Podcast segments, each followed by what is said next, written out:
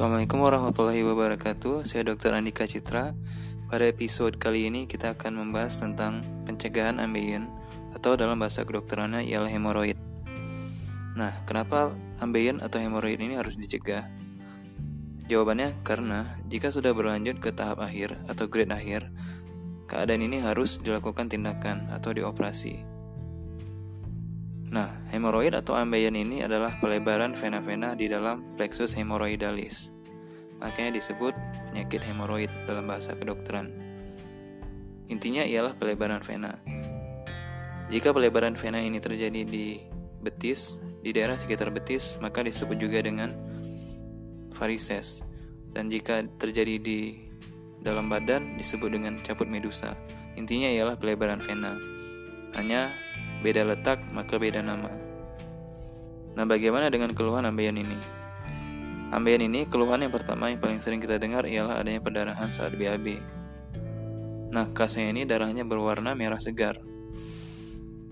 Ciri-ciri khas yang lainnya ialah darahnya ini menetes beberapa saat setelah BAB dilakukan. Kemudian, ciri yang khas selanjutnya ialah adanya benjolan dari anus. Kemudian gejala-gejala yang lainnya yang kadang dijumpai ialah adanya iritasi di bagian anus dan adanya gejala seperti pucat dan lemas karena anemia karena pasien mengalami perdarahan tadi. Nah, apa saja waktu risiko dari ambeien ini? Yang pertama ialah penuaan atau usia tua. Karena usia tua menyebabkan lemahnya dinding pembuluh darah. Kemudian wanita hamil, kemudian konstipasi, Kemudian karena konsumsi makanan rendah serat, selanjutnya ialah karena peningkatan tekanan perut atau peningkatan tekanan intraabdomen. Karena contohnya karena batuk lama atau kronis dan karena sering mengedan. Dan yang terakhir karena penggunaan toilet yang terlalu lama. Hemoroid atau ambeien ini sendiri terbagi menjadi dua, yaitu interna dan eksterna. Nah, yang paling sering ditemui di kehidupan sehari-hari ialah hemoroid interna. Internal dan eksternal ini dibedakan berdasarkan letak dari pembuluh darahnya, pembuluh darah venanya. Nah, hemoroid internal ini dibagi menjadi empat grade. Nah, grade yang pertama ialah grade di mana pasien mengalami perdarahan saat BAB namun tidak nampak benjolan. Jadi dia berdarah saja, tidak ada benjolan. Kemudian yang grade 2 ini ada berdarah dan menonjol. Namun benjolannya ini bisa masuk secara spontan. Grade yang ketiga, adanya berdarah menonjol tapi tidak bisa masuk secara spontan.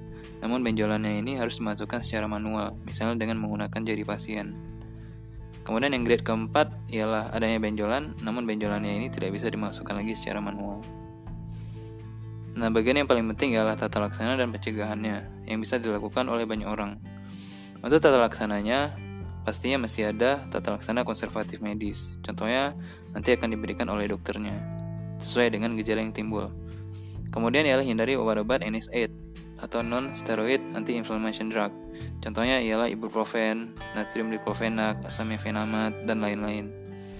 Kemudian hindari makanan yang pedas dan berlemak. Nah, untuk pencegahannya ada tiga hal dasar yang mesti dirubah dari perilaku. Yang pertama dari makanan. Makanan harus memiliki serat 25-30 gram per hari. Artinya setiap diet atau makanan yang kita konsumsi sehari-hari masih ada buah atau sayurnya agar kandungan serat yang dibutuhkan tercapai. Mengingat orang Indonesia jarang sekali makan serat. Kemudian yang kedua, dari segi minum, kita harus minum minimal 6 8 gelas sehari agar BAB-nya lebih lancar. Kemudian, perubahan pola atau kebiasaan saat di WC.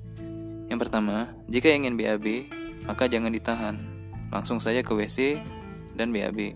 Karena jika ditahan maka feses akan keras. Kemudian, jika tidak ada keinginan untuk BAB, tapi mesti BAB, jangan dipaksakan.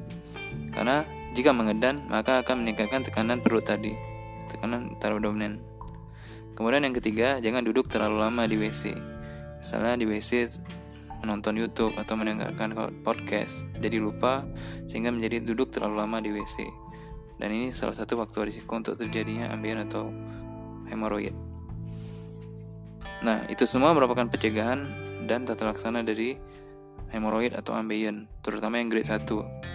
Sedangkan grade 2, 3, 4 dan hemoroid eksternal itu membutuhkan penanganan di pelayanan sekunder.